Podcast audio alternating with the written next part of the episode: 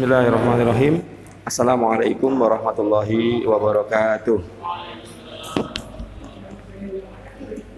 Alhamdulillah, alhamdulillahirabbil alamin.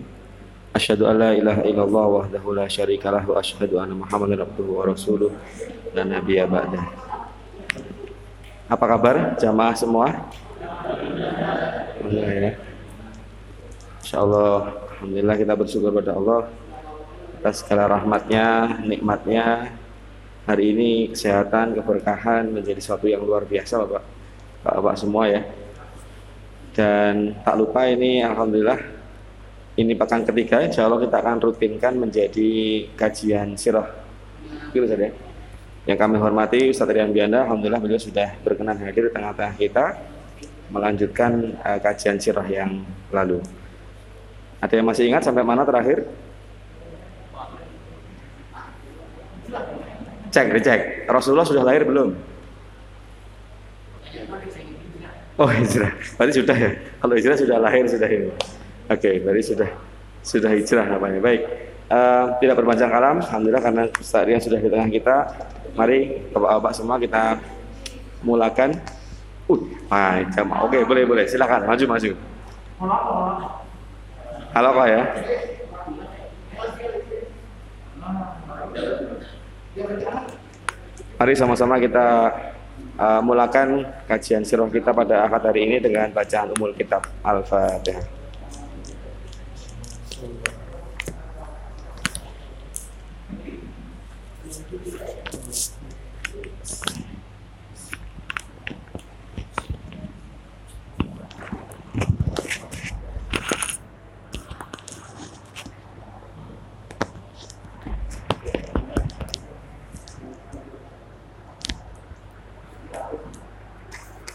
Bismillahirrahmanirrahim.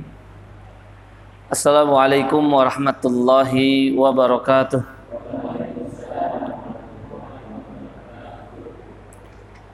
Alhamdulillahi rabbil alamin.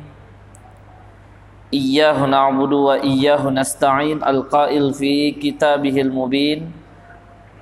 Wa ma arsalnaka illa rahmatan lil alamin. Wassalatu wassalam ala habibina wa syafi'ina wa maulana Muhammadin wa ala alihi wa ashabihi wa man tabi'ahum bi ihsanin ila yaumiddin. Amma ba' Bapak jamaah yang dicintai Allah Subhanahu wa taala alhamdulillah kenikmatan yang sangat besar Allah karuniakan untuk kita yaitu nikmat hidayah, petunjuk dari Allah Subhanahu wa taala dan juga nikmat inayah sehingga kita dimudahkan oleh Allah Subhanahu wa taala untuk melakukan semua hal yang justru berkaitan dengan tujuan kita diciptakan yaitu melakukan pengabdian penghambaan kepada Allah. Nikmat hidayah ini hakikatnya adalah inti dari setiap rakaat solat kita ketika kita diwajibkan membaca ummul kitab yang Rasulullah sampaikan bahwa tidak sah solat di antara kita kecuali dengan membacanya. Ketika kita meminta kepada Allah ihdina, berarti di situ ada isyarat bahwa hidayah itu bahkan lebih besar nikmatnya dibandingkan hal yang lainnya. Karena hakikatnya hidayah inilah yang membuat duduknya kita tidak sia-sia. Hidayah ini pula yang membuat kerjanya kita, aktivitas kita itu ada nilainya hidayah ini juga seharusnya memahamkan kepada kita bahwa hidup kita bermasyarakat, ya, hidup kita berkeluarga, hidup kita berinteraksi dengan orang-orang bahkan tempat tinggal yang nyaman bagi kita, keluarga yang mendampingi kita, anak yang menjadi penyejuk mata bagi kita, itu semuanya akan bernilai kebaikan di sisi Allah Subhanahu wa taala. Ketika hilang hidayah tersebut, maka Justru terkadang rumah kita, keluarga kita, kerja kita yang kita sibuk di dalamnya membuat kita berat untuk melakukan aktivitas yang sebenarnya itulah hakikat kita diciptakan yaitu untuk beribadah. Maka wal billah kita berlindung kepada Allah ya dari hilangnya hidayah tersebut sehingga membuat kita binasa dunia dan di akhirat kita.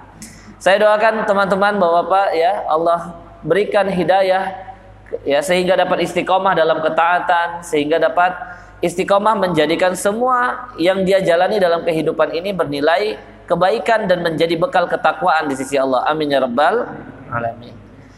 Baik, uh, teman-teman Bapak yang dimuliakan Allah, yang dicintai Allah Subhanahu wa taala. Uh, di buku ini, nah, saya awali itu dulu ya. Saya itu memberikan tanda-tanda dan batasan setiap kajian sirah kita. Maka saya lihat Masjid Sulaiman itu baru ya kemarin mengakhiri terkait dakwah sirriyah. Tiga tahun Rasulullah SAW melaksanakan perintah Allah Subhanahu Wa Taala. Jadi dakwah sirriyah itu bukan pilihan Rasulullah. Dakwah sirriyah itu adalah perintah Allah. Ya, inilah bagian dari cara Allah Subhanahu wa taala untuk memberikan kepada Rasul sallallahu alaihi teman-teman yang nantinya dapat menguatkan ya dakwah Rasul sallallahu alaihi karena yang pasti dari nabi-nabi sebelumnya kalau kita pahami ya kalau kita lihat dan kita telaah di dalam Al-Quran itu memang satu per tiga di dari, dari Al-Quran itu adalah kisah cerita ya bahkan di dalam surat satu di antara beberapa surat dalam Al-Quran bahkan ada satu surat khusus dalam Al-Quran namanya Al-Qasas Al-qasas itu jamak dari kata kisah. Kalau bahasa Indonesianya kisah. Ya. Jadi kisah itu adalah bahasa Indonesia yang diambil dari Arab. Ya. Jadi ini adalah bagian dari metode Allah Subhanahu wa taala untuk memberikan kepada kita petunjuk yaitu dengan bertutur cerita. Seharusnya ini sangat cocok dengan kita orang Indonesia. Karena orang Indonesia itu lebih suka mendengarkan kisah dan lebih suka bertutur dibandingkan membaca ya kan? Makanya kisah-kisah Israiliyat biasanya lebih populer di Indonesia. Gitu kan? Kisah-kisah yang terkait hal-hal yang dianggap luar biasa lebih populer di Indonesia ya sekalipun tidak ada hikmahnya atau sekalipun ada hikmah tapi ternyata tidak ada riwayat-riwayat yang sahih dalam pelaksanaannya. Jadi teman-teman yang dimuliakan Allah yang dicintai Allah Subhanahu wa taala, di antara hikmah tiga tahun dakwah Syriah ini kan nggak bukan waktu yang sebentar ya, waktu yang sangat lama, gitu. Waktu yang sangat lama karena memang di antara hikmahnya adalah tasfiyatus supub untuk meluruskan atau untuk menyatukan barisan. Rasulullah SAW selama tiga tahun itu minimal ada 50 orang yang benar-benar sudah menerima secara mutlak dakwah Rasulullah SAW. Nah, konsep dalam kehidupan itu akan mudah diterima dari orang-orang yang punya kesamaan. Makanya kita ini umat Islam itu digambarkan oleh Rasulullah ibarat lebah ya kan. Kita akan berkumpul seperti kesamaan kita. Orang-orang yang berkeinginan untuk memperbaiki dunia dan akhiratnya akan berkumpul dengan orang-orang yang tujuannya juga demikian. Tetapi orang-orang yang memang tujuannya hanya duniawi belaka, maka dia akan dikumpulkan bersama kelompok-kelompok mereka juga. Maka kita itu dipertemukan dan dikumpulkan dari kesamaan rasa. Ya, kesamaan rasa ini sehingga mempermudah kita untuk kembali mengingatkan akan tujuan yang sebenarnya. Maka kita tidak akan tidak akan lupa akan pola-pola dari kisah-kisah dalam Al-Qur'an walaupun ini bukan cocok logi sebenarnya. Hanya menjadi ibrah pelajaran bagi kita. Kalau kita lihat ya, kisah-kisah dalam Al-Qur'an itu sangat banyak tetapi terkadang tidak terlalu detail. Ashabul Kahfi misalnya tidak detail siapa nama-nama mereka. Bahkan para ulama masih berdebat di mana tempat mereka yang sebenarnya. Apakah di Turki, apakah ada di apa namanya Syria, apakah ada Lebanon atau bahkan ada di Jordan. Nah, bahkan tanda-tanda yang paling mendekati dengan ayat-ayat Al-Qur'an yang ditafsirkan oleh para ulama itu di Jordan. Jadi kalau Bapak ingin misalnya melihat guanya Ashabul Kahfi ada di Jordan. Begitu juga tapi tidak disebutkan anjingnya, jenis anjing apa gitu kan kira-kira ya. Ya, takutnya Bapak, wah kalau hitam saya juga pengen gitu ya. Atau misalnya kalau kita lihat kembali kisah Zulkarnain. Jadi saya itu sebelum pilkada kemarin banyak sekali masjid-masjid yang minta saya memajukan kajian tafsirnya. Ya, karena kebetulan kajian tafsirnya surat Al-Kahfi. Hanya saja masih kisah yang ketiga yaitu Nabi Musa dan Khidir hamba yang soleh. Bisa nggak usah dipercepat langsung Zulkarnain dulu katanya. Tapi saya sudah paham arahnya ke mana kan ya. Saya bilang nggak perlu pak. Nanti insya Allah Allah berikan yang terbaik untuk Depok kan terkabul insya Allah kan ya. Jadi baru kemarin memulai pembahasan. Nah terkait Zulkarnain. Zulkarnain itu bukan nama sebenarnya. Sehingga Ibnul Jauzi itu mempunyai kitab tafsir yang mempu eh, yang menjelaskan perbedaan pandangan para ulama dalam memahami ayat. Jadi kalau kita sampaikan, lo kok bisa beda ulama Ustadz? Atau beda pandangan para ulama itu. Sedangkan Al-Quran itu ayatnya sama. Turunnya dari Allah. Ya kepada Rasulullah yang sama. Kok bisa mempunyai pandangan yang bermacam-macam dan berbeda-beda? Karena memang Allah tidak detail. Itu yang ingin saya tekankan. Allah tidak detail menjelaskan mengapa ada hikmahnya. Supaya kita lebih fokus kepada substansi. Bukan kepada siapa yang bermain dalam kisah dan cerita itu. Kita itu kadang-kadang lebih fokus kepada hal-hal yang berkaitan dengan ya cocok loginya. Ini siapa nih kira-kira ya kan? Zulkarnain ini oh punya dua tanduk dia. Itu kan? Apa maksudnya punya dua tanduk? Para ulama juga mempunyai pandangan masing-masing. Ya, terkait namanya. Minimal ada empat. Yang pertama itu pandangan Sayyidina Ali bin Abi Thalib. Beliau memberikan pandangan nama asli dari Zulkarnain itu Abdullah. Sebenarnya ini para ulama tidak membantah. Karena memang untuk nama yang tidak jelas secara spesifik itu memang dinamakan Abdullah. Ya kan? Begitu juga misalnya Khidir. Khidir itu kan juga sebutan. Nama aslinya menurut para ulama Balia bin Malkan. Gitu ya. Nama aslinya itu Balia bin Malkan. Walaupun di dalam Al-Quran dikatakan Abdun min ibadina. Hanya menggunakan hamba gitu kan ya. Ya, sebagaimana kalau ada yang infak di masjid namanya nggak mau disebutkan dari Abdullah atau hamba Allah gitu ya. Tambahin Pak, hamba Allah yang soleh. Nah, khidir jangan-jangan gitu ya. Jadi hikmahnya itu supaya kita fokus substansinya apa. Karena memang banyak sekali kisah yang Allah ingin pahamkan kepada kita. Kalian tidak perlu tahu Zulkarnain itu siapa. Tapi kalau jadi pemimpin yang punya kemampuan dan punya keimanan, maka keadilan harus kalian tegakkan. Gitu kira-kira. Kalau kalian tidak punya kapasitas, jangan sampai berupaya jadi pemimpin. Karena pemimpin itu kemampuan yang Allah berikan tidak kepada seluruh manusia yang dilahirkan. Kepemimpinan itu Allah berikan karunia. Maka Zulkarnain itu tercatat dari satu di antara empat raja yang paling berkuasa di dunia. Jadi kalau kita lihat Fir'aun itu belum seberapa Pak ya. Hanya menguasai sebagian titik kecil saja dari Iskandaria atau Mesir itu. Kecil sekali. Ya, begitu juga misalnya apa namanya raja-raja Dikianus, Ashabul Kahfi ya kan? Itu kecil. Ternyata dua dari empat raja itu beriman. Yang pertama yang beriman adalah Zulkarnain. Pandangan yang paling kuat langsung saya bocorkan ya. Namanya itu Iskandar. Ya, Al Iskandar. Al Yunani dari Yunan. Makanya para ulama mengatakan dia itu juga murid dari Aristoteles tapi lebih dapat hidayah pada akhirnya. Ya Aristotelesnya sendiri nggak dapat hidayah kan? Yang kedua adalah Sulaiman bin Daud alaihi salam. Nabi Sulaiman anaknya Nabi Daud alaihi salam yang Allah berikan kelebihan sehingga dapat menguasai seluruh dunia. Bukan hanya manusia yang tunduk, bahkan bangsa jin dan hewan sekalipun, bahkan angin sekalipun. Kan dalam Al-Qur'an disampaikan, Nabi Sulaiman itu bisa melakukan perjalanan yang luar biasa cepat. Perjalanan 30 hari bisa ditempuh dalam beberapa uh, uh, jam saja gitu kan ya. Kalau sekarang udah ada pesawat, kalau dulu ya Nabi Sulaiman langsung jalan aja, nggak perlu tes rapid gitu ya dan sebagainya. Kan aman gitu ya. Begitu juga Zulkarnain. Nah, Zulkarnain ini sebenarnya tidak seluar biasa ya Nabi Sulaiman yang diberikan keajaiban. Maka ini yang mempunyai atau yang menyebabkan perbedaan pandangan para ulama apakah dia nabi atau bukan. Karena tidak dianggap punya mukjizat, tapi dia punya keahlian yang luar biasa. Ya, jadi dia datang dari ujung timur ke ujung barat, dia tempuh gitu kan. Dan setiap tempat yang dia yang dia datangi, dia tegakkan keadilan di sana. Ya, dia manfaatkan sumber daya alam dan sumber daya manusia di sana tanpa perlu mengekspor dan sebagainya kira-kira. Makanya ketika ketemu Ya'jud Ma'jud ya kan ya.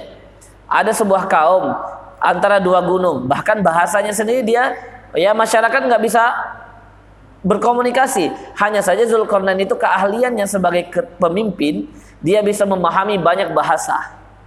Gitu. Sehingga dia berinteraksi, lalu mereka mengadu tentang Ya'jud dan Ma'jud, ya.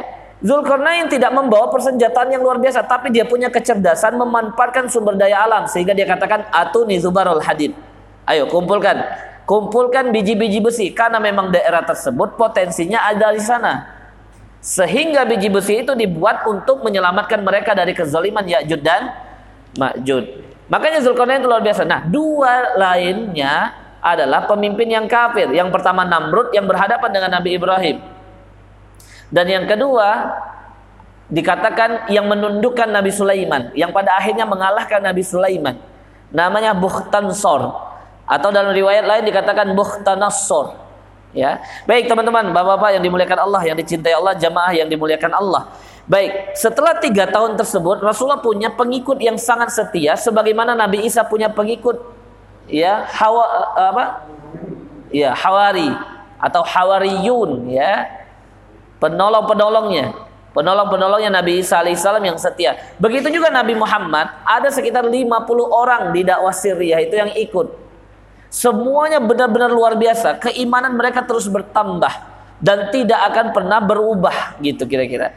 Ya karena memang mereka dididik selama tiga tahun tersebut oleh Rasulullah di sebuah rumah yang tidak diprediksi oleh orang-orang. Ya, yaitu rumah yang bernama Arqam bin Abil Arqam.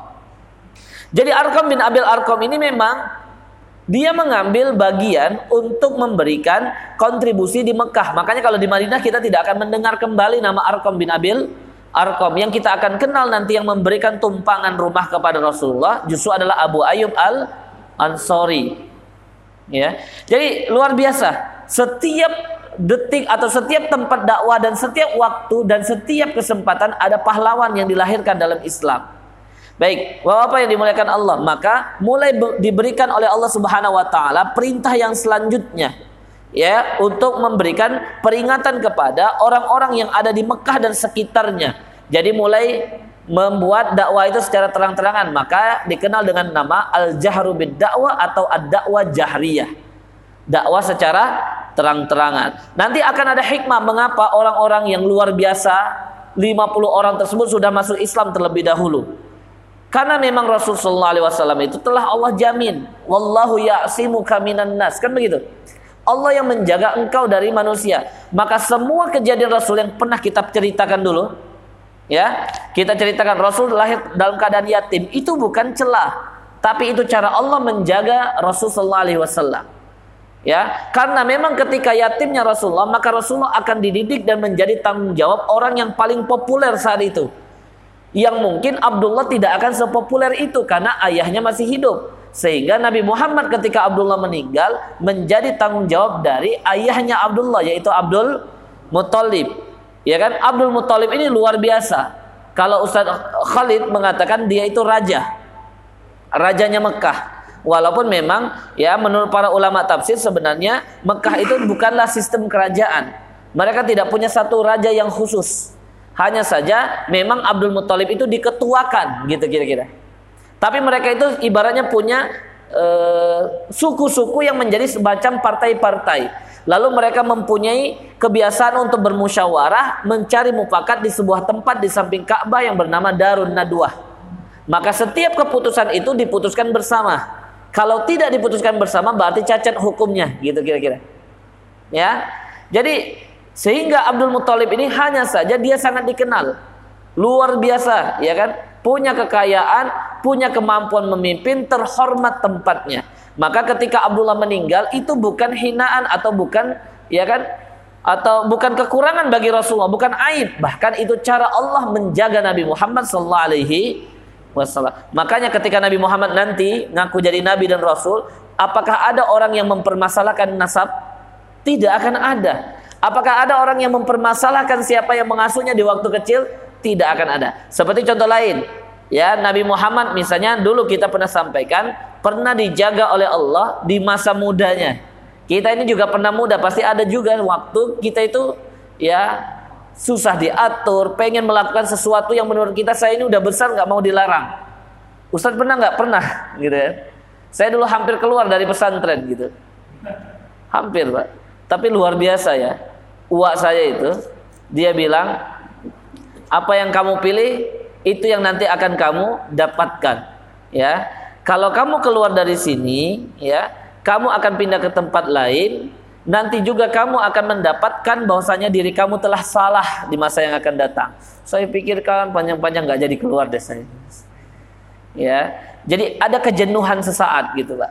Jenuh ya. Karena udah di pesantren dari sejak kecil lalu pas dua aliyahnya udah mau tamat justru jenuh. Lagi waktunya nakal-nakalnya. Karena waktu sanawiyah saya itu sangat soleh banget lah gitu kira-kira. Santri itu yang nggak pernah melanggar ya. Hafalannya banyak ya. Ibaratnya juaranya bagus prestasinya bagus. Maka ada sisi jenuh juga jadi orang baik. Ya, bahaya itu sebenarnya. Semoga kita nggak ada yang jenuh jadi orang baik ya Baik, jadi Rasulullah juga pernah merasakan hal demikian. Ketika dia berinteraksi dengan teman-temannya sepertinya seru. Makanya Pak, hati-hati anak-anak di tingkat SMP dan SMA itu mereka akan lebih terpengaruh oleh teman-temannya bahkan dibandingkan bapaknya sendiri. Gitu ya. Makanya yang paling harus kita perhatikan dengan siapa mereka akan bergaul. Ya kita pastikan kita itu ketika memilihkan mereka sekolah itu bukan hanya mereka mendapatkan pelajaran itu nanti yang harus kita pilihkan tempat yang membuat dia nyaman. Karena dia lebih suka untuk berkelompok. Lebih suka untuk bersamaan dengan orang lain. Tidak suka sendiri-sendiri. Dan bahayanya kalau dia justru mendapatkan teman yang membuat dia nyaman adalah teman yang tidak baik. Jadi Allah Subhanahu wa taala kalau Rasulullah Allah langsung yang jaga. Karena memang pertama yatim, yang kedua Rasulullah wasallam adalah Allah yang pilih. Sehingga Allah pastikan ketika ingin menghadiri acara-acara pernikahan, pesta pernikahan yang di dalamnya terdapat banyak sekali kemaksiatan, maka justru Rasulullah dibuat tertidur kan begitu. Ini maksum. Makanya nanti ketika Nabi Muhammad diangkat jadi nabi, Orang-orang tidak ada satupun yang mengatakan, oh iya dia hobinya dugem tuh dulu. Nggak ada pak. Karena memang begitulah orang-orang sampai sekarang ya kan. Kalau tidak suka dengan orang yang lain atau dianggap berbeda dengan dirinya, maka yang dicari adalah hal yang tidak sama. Yang dicari adalah hal-hal yang berkaitan tentang masa, balu, masa lalunya yang kelam. Tapi masa lalu yang kelam itu akan tertutup rapat-rapat kalau dia menjadi sama. Itu kira-kira ya. Makanya itu kadang-kadang dianggap fanatik. Jadi kalau fanatik itu Pak, seburuk-buruknya orang kalau bergabung dan bersama akan jadi baik. Tapi sebaik-baiknya orang kalau sudah berbeda, ya yang tadinya sama kan keluar misalnya jadi buruk semua Pak. Nah, itu tidak boleh. Kita harus proporsional. Yang baik baginya tetap kita nilai baik, yang buruk kita doakan supaya Allah berikan hidayah. Baik. Jadi teman-teman Bapak-bapak yang dimuliakan Allah Subhanahu wa taala. Apalagi misalnya di antara cara Allah menjaga Rasulullah tidak bisa baca dan tulis. Mungkin kita merasa, loh kok bisa jadi nabi tidak bisa baca dan tidak bisa menulis. Padahal ini cara Allah Subhanahu wa taala untuk menjamin dan tidak bisa terbantahkan kalau Al-Qur'an itu dari Allah bukan dari Rasulullah. Kalaupun mereka memaksakan Al-Qur'an itu adalah ya buatan Rasulullah, makhluk bukan mukjizat, ya kan ya? Sebagaimana Mu'tazilah meyakini hal tersebut, maka seharusnya orang-orang yang bisa baca dan bisa nulis lebih hebat dibandingkan Nabi Muhammad SAW. Makanya terang-terangan Al-Quran tantang tiga kali. Satu-satunya kitab Allah yang menantang agar membuat tandingan itu hanya Quran, Pak. Ya, Taurat, Zabur, Injil tidak ada karena memang Allah ingin membuat Taurat, Zabur dan Injil itu terhapus dengan hilangnya atau habisnya masa nabi dan rasul yang menjadi pembawa risalah tersebut. Gitu kan ya?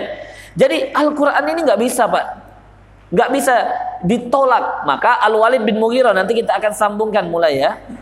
Itu tidak bisa menolak Al-Quran sehingga yang dia serang, yang dia cari-cari kesalahan adalah pribadi Rasul. Maka mereka itu pak mencari-cari kesalahan Rasulullah itu ibaratnya kalau kita lihat di televisi itu goblok sekali gitu kira-kira. Ya sangat tampak kalau itu dipaksakan disengajakan untuk membuat Rasulullah rendah untuk membuat dikriminalisasi dan sebagainya. Ya, jadi itu sudah terjadi di masa yang lalu. Baik, Bapak-bapak yang dimuliakan Allah Subhanahu wa taala. Maka kita ingin mengulangi memulai dari dakwah secara terang-terangan. Ya, ada waktu sedikit lagi nanti saya e, berikan space ya. Kalau mengulang itu supaya nyambung dulu, Pak ya. Ya, takutnya kalau saya langsung berikan nanti nggak kurang nyambung ya. Udah lama sebenarnya off kita kan. Moga nggak apa-apa sekali sebulan tapi jalan juga alhamdulillah ya kan ya.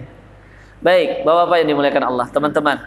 Jadi, ketika Rasulullah memulai dakwah karena memang perintah Allah untuk diberikan terang-terangan. Jadi sekali lagi, perbuatan Rasulullah itu hanya berdasarkan aplikasi dari apa yang Allah perintahkan. Semuanya. Makanya para sahabat itu bahkan Umar ketika Umar nanti masuk Islam tahun ke-7 kenabian. Ya, tahun 7, 7 kenabian ya Umar masuk Islam, para sahabat itu bahagia banget yang hijrah ke Habasyah balik lagi ke Madinah, eh ke Mekah maksud saya. Umar itu pertama kali ketika dia mengucapkan syahadat dia langsung tanya Rasul, "Ya Rasulullah, apakah engkau yakin kita di jalan yang benar?" Tentu kata Rasulullah. Apakah engkau yakin Allah akan menolong kita? Tentu. Jangan takut ya Rasul. Ayo kita keluar dari rumah Arkom ini. Akhirnya mereka pertama kali Umar Islam itu deklarnya keislaman Umar itu di antaranya long march pak. Yang belum pernah dilakukan seumur umur. Tujuan mereka ke mana? Ka'bah. Langsung dibuat dua barisan memanjang. Ya, jadi umat Islam itu ternyata sudah sangat banyak. Di sebelah kanan Umar berdiri, di sebelah kiri Hamzah selesai, nggak ada yang berani dekat. Ya kan? Di sebelah kanan ini singa gitu kira-kira. Sebelah kiri ini harimau, udah nggak ada yang mau dekat. Semua orang-orang cuma melihat dengan wajah kebencian khususnya orang-orang yang punya atau pemangku kepentingan. Tapi Abdullah bin Mas'ud mengatakan, ya Islamnya Umar itu adalah rahmat karena kami yang takut ke Ka'bah, yang takut sholat di depan Ka'bah, Umar masuk Islam, kami bisa sholat depan Ka'bah. Tapi dengan syarat ada Umar gitu kira-kira. Kalau nggak ada Umar takut juga masih ya. Jadi dilihatin kalau Umar mau sholat mereka ikut sholat pak. Saking mereka menginginkan kenikmatan. Tapi memang Allah tidak perintahkan saat itu untuk melawan kan. Ada nggak Allah perintahkan melawan? Tidak. Dan Rasulullah bukan takut, tapi memang Allah ya mewajibkan Rasulullah melakukan sesuai perintah Allah. Baik, ketika sudah diperintahkan berdakwah jahriyah, pe, e, apa pengikut sudah ada, maka Rasulullah ingin memulai dengan logika. Karena ini yang sangat sulit, bahkan dibantah oleh orang-orang orientalis ataupun liberal, liberal ya kan? Gitu. Ataupun orang-orang munafik yang mengaku Islam bahkan lebih Islam dibandingkan orang yang sering berzikir kepada Allah rajin ibadah kepada Allah gitu kan ya? Mengaku lebih toleransi dibandingkan orang yang rajin menghafal Al-Quran bahkan orang yang menghafal Al-Quran orang-orang munafik ini tuduh sebagai orang radikal. Gitu ya luar biasa. Suka dibolak-balik begitu sebenarnya orang liberal itu pak nggak liberal-liberal banget kalau kita bolak-balik juga omongan mereka itu kalah juga Makanya memang kita itu harus pinter juga kalau ngadepin orang-orang kayak gitu. Saya itu dulu, ya, saya termasuk orang yang sudah dari pesantren tuh dicari-cari. Kakak kelas saya sudah jadi orang liberal sekarang. Akhirnya dia diarahkan untuk menjadi kader gitu kan ya. Dia kuliah jurusan filsafat di UIN Syarif Hidayatullah. S2-nya di Paramadina, kan selesai ya. Udah punya mobil, udah punya apa-apa, walaupun belum nikah waktu itu. Jadi jemput saya, Pak. Saya pertama kali ya ingin daftar ke Lipia, wah, wahabi banget itu katanya kan ya. Akhirnya saya ketemu, kita diajak ke sebuah tempat kayak mewah ya, restoran ada semi tertutup begitu. Lalu saya lihat teman-temannya itu minum bir, makan kacang gitu kan. Ketika pulang saya tanya begini, lo kok gitu ya teman-temannya? Ya kan kakak kelas saya, kok teman-teman antum gitu ya? Saya kok minum bir depan antum gitu dan sebagainya. Uh, antum terlalu konservatif katanya gitu bahasanya. Oh harusnya gimana saya bilang? Ya kita toleransi aja, yang penting kita nggak minum. Saya bilang kita udah toleransi ke mereka, harusnya mereka juga toleransi ke kita. Saya bilang. Kalau dia menghormati antum, saya bilang harusnya dia tidak minum, gitu kan? Kenapa? Ya karena dia tahu posisi antum tidak minum itu juga harus dihormati sebagaimana antum menghormati mereka minum. Dibolak-balik itu nggak diundang lagi saya, Pak. Baik teman-teman yang dimuliakan Allah yang cintai Allah. Jadi Rasulullah mengawali dengan logika begini. Dikumpulkan semua kaum itu, ya. Rasulullah naik ke satu tempat, ke satu tempat di Bukit Sofa. Jadi memang tempat tersebut setiap kali orang berdiri di sana dipastikan semua orang-orang paham kalau ada berita yang luar biasa penting. Ya, enggak mungkin berita-berita receh ngundang ya misalnya ngundang hitanan enggak, Pak ya. Gitu atau mau sparring futsal misalnya nggak mungkin ya. Jadi berdiri di situ memang beritanya pasti sangat amat luar biasa besar. Ternyata yang menyampaikannya juga Nabi Muhammad. Nabi Muhammad itu waktu itu sangat populer dan sangat banyak dibicarakan di semua kaum. Mengapa? Ada yang masih ingat? Di umur 35 tahun Rasulullah itu menjadi prima dona. Karena beliau sallallahu alaihi wasallam yang menjadi penengah mendamaikan semua suku-suku yang rebutan hal sudah meng, meng, apa namanya mengangkat pedang sudah bersumpah atas nama darah, jadi sumpah darah itu Pak, mereka sampai mati.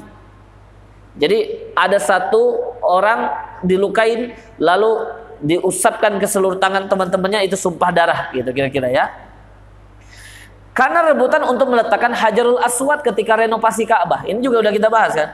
Itu di antara luar biasa nanti tidak mungkin Rasulullah ini anti kebersamaan. Tidak mungkin Rasulullah ini anti makaisme. Gitu ya. Kalau sekarang kan Pancasilais. Kalau dulu makais gitu kira-kira. Tidak mungkin Rasulullah SAW ini anti kebinekaan gitu kira-kira. Rasulullah dulu prima dona yang jadi semacam ya poin dari semua berita-berita Tema dari semua berita-berita kalau Rasulullah menyatukan semua suku-suku dengan memberikan opsi terbaik mengangkat bersama Hajarul Aswad. Itu Pak diceritakan ke semua. Maka anak-anak itu bahkan salah satu kitab lama mengatakan semua anak-anak itu diberikan kisah-kisah oleh orang tuanya betapa hebatnya Nabi Muhammad hadir. Gitu kan? Sehingga anak-anak itu menjadi keinginan mereka, idola mereka itu saya ingin jadi Muhammad gitu kira-kira. Sama seperti kita dulu misalnya ya. Kalau kita dibuat terkesima dengan kehebatan dan kecerdasan B.J. Habibie. Kita semua tahu ya kan B.J. Habibie luar biasa. Maka kita pengen sekali seperti beliau misalnya gitu. Begitu pula Nabi Muhammad sallallahu alaihi wasallam. Baik, Bapak-bapak yang dimuliakan Allah, teman-teman yang dicintai Allah. Nah, ketika Rasulullah hadir di sana dan Rasulullah ini keturunan orang baik, tidak ada cacat. Ini orang yang sangat jujur. Mereka yang memberikan gelar tersebut sehingga mereka ya kan? Langsung. Ya langsung datang semuanya. Bahkan dikatakan di sini kalau ada orang yang tidak bisa datang mereka menyuruh perwakilannya. Jangan sampai tertinggal informasi besar yang akan disampaikan oleh Nabi Muhammad. Ya baik. Jadi berkumpul semuanya. Ketika berkumpul semuanya tersebut Rasulullah SAW tidak langsung menyatakan kalau dirinya seorang nabi dan rasul. Ya walaupun mereka tentu saja tidak punya alasan untuk menolak ya kan tapi Rasulullah mengawalinya dengan logika. Ya. Ketika berdiri di situ Rasulullah mengatakan, "Wahai Bani Fulan, wahai suku Fulan, semuanya dipanggil sebagai bentuk penghormatan." Seandainya saya informasikan dan saya beritahukan, kalau di belakang bukit ini telah berbaris musuh-musuh lengkap dengan persenjataan perang mereka dan kuda mereka untuk memerangi kita. Akuntum musaddiqiyah Kalian percaya nggak pada saya? Ya, langsung mereka bilang, percaya. Engkau itu orang nggak pernah bohong. Engkau itu orang yang paling luar biasa jujur. Kami tidak pernah mengenal engkau kecuali engkau orang baik, keturunan baik dan sebagainya. Terus seperti itu. Rasulullah ulangi berkali-kali kepada suku itu ditekankan, kepada suku ini ditekankan. Semua jawaban tidak ada, instruksi satu pun nggak ada, Pak. Instruksi misalnya nggak ada. Ya, semuanya sepakat ya mengatakan pasti kami percaya karena engkau orang baik dan sebagainya. Lalu di, Rasul mengatakan kalau demikian seharusnya mereka tidak boleh menolak apa yang disampaikan oleh Rasulullah. Kan itu logikanya ya kan. Maka Rasulullah mengatakan ya aku adalah nazirun lakum pemberi peringatan bagi kalian. Baina yadayya azabun syadid di antara kedua tangan saya ini ada azab. Maksudnya kalau kalian tidak menerima dan tidak taat Sebenarnya Pak, secara psikologis orang-orang yang mengenal Rasulullah mereka langsung mulai tertarik. Mungkin belum menerima tapi mulai tertarik. Itu hukum asalnya kan ya? Karena mereka belum kering lisan mereka mengatakan nggak mungkin kamu bohong. Ya, baru saja diawali oleh Rasulullah ini luar biasa kan begitu. Nggak mungkin kamu bohong gitu. Lalu ketika Rasulullah menyampaikan itu, mereka sudah mulai tertarik. Tetapi inilah di antara ujian yang besar. Rasulullah langsung Allah berikan ujian yang tidak sederhana. Ujian yang luar biasa besar. Yang berdiri langsung memberikan bantahan justru adalah pamannya sendiri. Iya, kita kenal semuanya. Siapa namanya? Abu Lahab. Aslinya Abdul Uzzah Nama aslinya itu Abdul Uzza bin Abi Lahab. Jadi Abi Lahab itu, Pak, sekalipun kita nggak suka dengan Abu Lahab, tentu ya kan, karena Al-Quran menyatakannya. Tapi bukan berarti Abu Lahab itu keperawakannya jelek gitu ya. Mukanya jelek, atau misalnya kalau di di film-film itu saya nggak terlalu suka Pak ya. Abu Lahab itu digambarkan wajahnya jelek kayak gitu, ya galak banget. Mungkin kalau galak iya, tapi maksud saya tetap ganteng Pak. Abu Lahab itu dijuluki Lahab karena ganteng. Lahab itu kemerah-merahan seperti bara api. Bukan karena dia akan diazab, tidak. Jadi ayahnya Abdul Muthalib itu, anak ini sangat semangat. Anak ini sangat luar biasa bersemangatnya itu kira-kira. Dan dia wajahnya sangat tampan, kulitnya sangat putih. Karena itu kalau dia semangat, marah atau dan lainnya langsung memerah. Ini kan ada kan orang itu ya, saking putihnya gitu kan saya. Kalau kita saking itunya membiru kali ya. Baik. Jadi Abu Lahab langsung teriak, langsung berdiri ketika Rasulullah mengatakan, "Ya Bani Fihir, ya Bani Adi," dipanggil semuanya. Ya kan? Ara'aitukum law akhbartukum anna khailan bil wadi turidu an tughayyiru alaikum akuntum musaddiqiyah. Tadi kan sudah saya sampaikan. Dipanggil satu-satu sukunya dan Rasulullah itu terkadang mengulang-ulang pertanyaan atau Rasulullah bertanya sebenarnya bukan butuh jawaban, Pak. Tapi supaya orang mendengarkan dan memperhatikan. Kan banyak sekali hadis Rasulullah Rasulullah bertanya kepada para sahabat yang hakikatnya sebenarnya Rasulullah bukan bertanya mencari jawaban, supaya mereka semuanya memperhatikan. Ketika Rasulullah mengatakan atadruna mal ghibah, tahu nggak kamu apa itu ghibah? Atadruna mal muflis, tahu nggak kamu orang bangkrut itu apa? Ya, sehingga Rasul ya diberikan jawaban oleh para sahabat Allah wa rasuluhu a'lam kan begitu. Ya. Baik. Jadi Abu Lahab langsung teriak berdiri dan mengatakan tabban laka. Celaka kamu. Kalau bahasa kita brengsek kamu gitu-gitu. Ini perkataan yang sangat kasar, lang langsung memutus secara psikologis. Orang yang tadi di tengah-tengah itu terbawa situasi untuk menolak. Padahal sebelumnya mereka ada pertimbangan untuk mendengarkan dan menerima. Ya, tapi memang karena mereka punya kepentingan, loh kok mereka tahu Ustaz? Karena memang tidak ada seorang nabi dan rasul yang menyampaikan atau ajaran nabi dan rasul yang memperbolehkan kepentingan-kepentingan mereka. Riba sudah sangat tinggi. Ini kan udah kita jelaskan ketika Rasulullah ber, memilih untuk ber ya khalwah. Ya berkhalwat atau berdiam diri di gua Hira itu kan penyebabnya karena memang kemaksiatan sudah semakin tinggi gitu ya. Dan Rasulullah itu orang yang tidak nyaman kalau melihat adanya kemaksiatan karena memang hatinya dari kecil dijaga. Ya, Tercatat empat kali kata para ulama minimal Rasulullah mengabarkan Rasulullah pernah dibelah dadanya. Pertama kali yang kita pahami ketika Halimatus di, di asuhan Halimatus Sa'diyah. Ya. Kedua kali di umur 12 tahun. Ya, lalu yang selanjutnya Rasulullah dibelah ketika akan menerima wahyu. Dan yang terakhir Rasulullah dibelah dadanya ketika akan Isra dan Mi'raj. Jadi memang Rasulullah itu tidak nyaman, Pak. Kalau kita tidak nyaman melihat adanya kemaksiatan, Bapak tidak nyaman kalau kemaksiatan itu semakin beringas, berarti alhamdulillah keimanan kita masih kuat kepada Allah. Itu aja.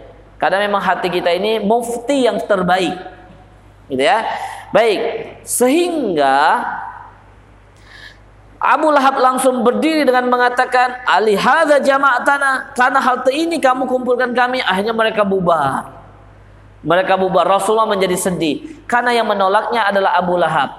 Abu Lahab ini saya tekankan kemarin bahwa dia tidak hanya paman bagi Rasulullah. Orang ini sangat membangga-banggakan Rasulullah ke mana-mana, Pak. Dia yang sangat mengelu-elukan Rasulullah kira-kira sekarang ya. Bahkan dia menikahkan dua putranya dengan dua putri Rasulullah. Meminta Hamzah untuk melamarkannya kepada Rasulullah. Walaupun Khadijah nggak setuju saat itu, tetapi Rasulullah lebih memilihnya supaya lebih mempererat lagi hubungan walaupun sudah satu nasab dengan Abu Lahabnya gitu kan ya. Baik. Jadi sangat dekat sehingga bahasa dari orang-orang pemahaman dari orang lain, loh mana ini yang benar? Karena yang menolaknya bukan orang lain. Kalau yang nolaknya Abu Jahal misalnya, wah ini memang ada masalah masa lalu ini. Karena Rasulullah lebih dipilih Khadijah dibandingkan Abu Jahal, ah misalnya. Langsung terekspos berita itu kan ya. Yang kadang-kadang judulnya diangkat nggak sesuai isinya kan gitu ya. Kalau yang menolak misalnya Al Walid bin Mughirah, ah ini memang karena bersaing untuk dijadikan pemimpin dan sebagainya. Ya, untuk dihormati dan lain sebagainya. Tapi masalahnya ini yang menolaknya adalah Abu Lahab, orang yang paling dianggap tahu tentang Rasulullah gitu ya.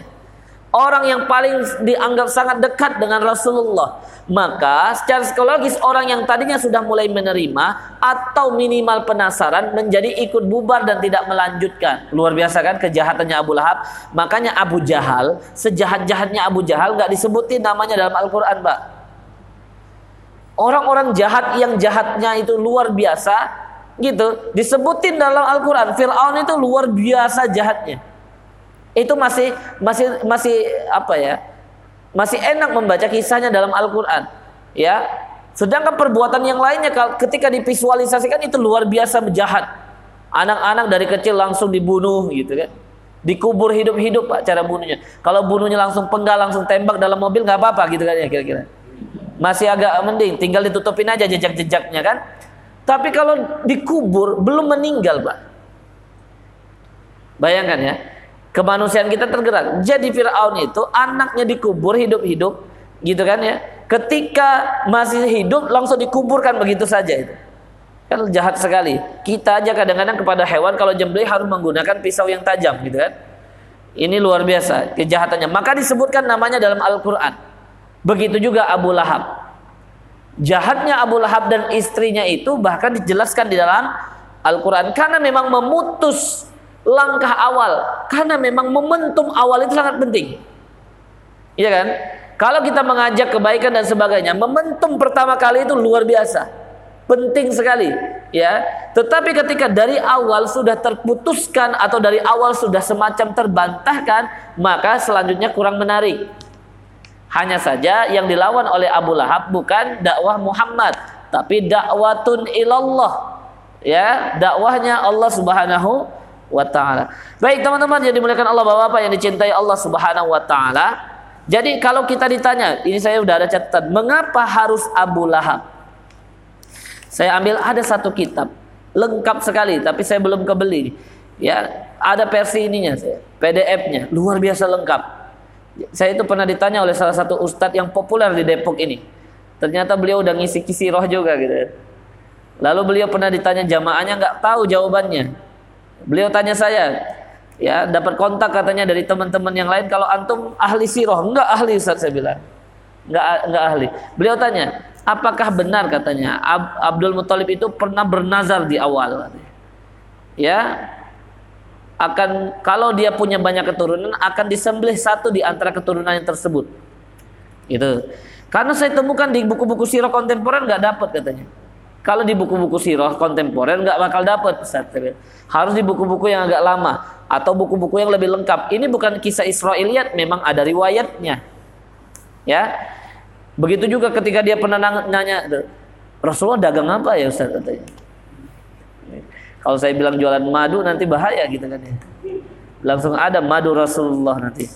Baik, nah dikatakan bahwasanya justru ada hikmah yang sangat besar yang ditampakkan ketika Abu Lahab yang menolak bukan orang yang lain untuk menjelaskan bahwa dakwah Islam itu laisat dakwatan asyairiyatan au asobiyatan qabaliyah. Jadi Islam itu dakwahnya dakwah Nabi Muhammad itu bukan dakwah keluarga. Ya. Bukan dakwah kelompok, bukan juga dakwah kepentingan fanatisme. Ya. Tetapi bal huwa dinun warisalatun minallah ila khalqihi minal insi wal jin.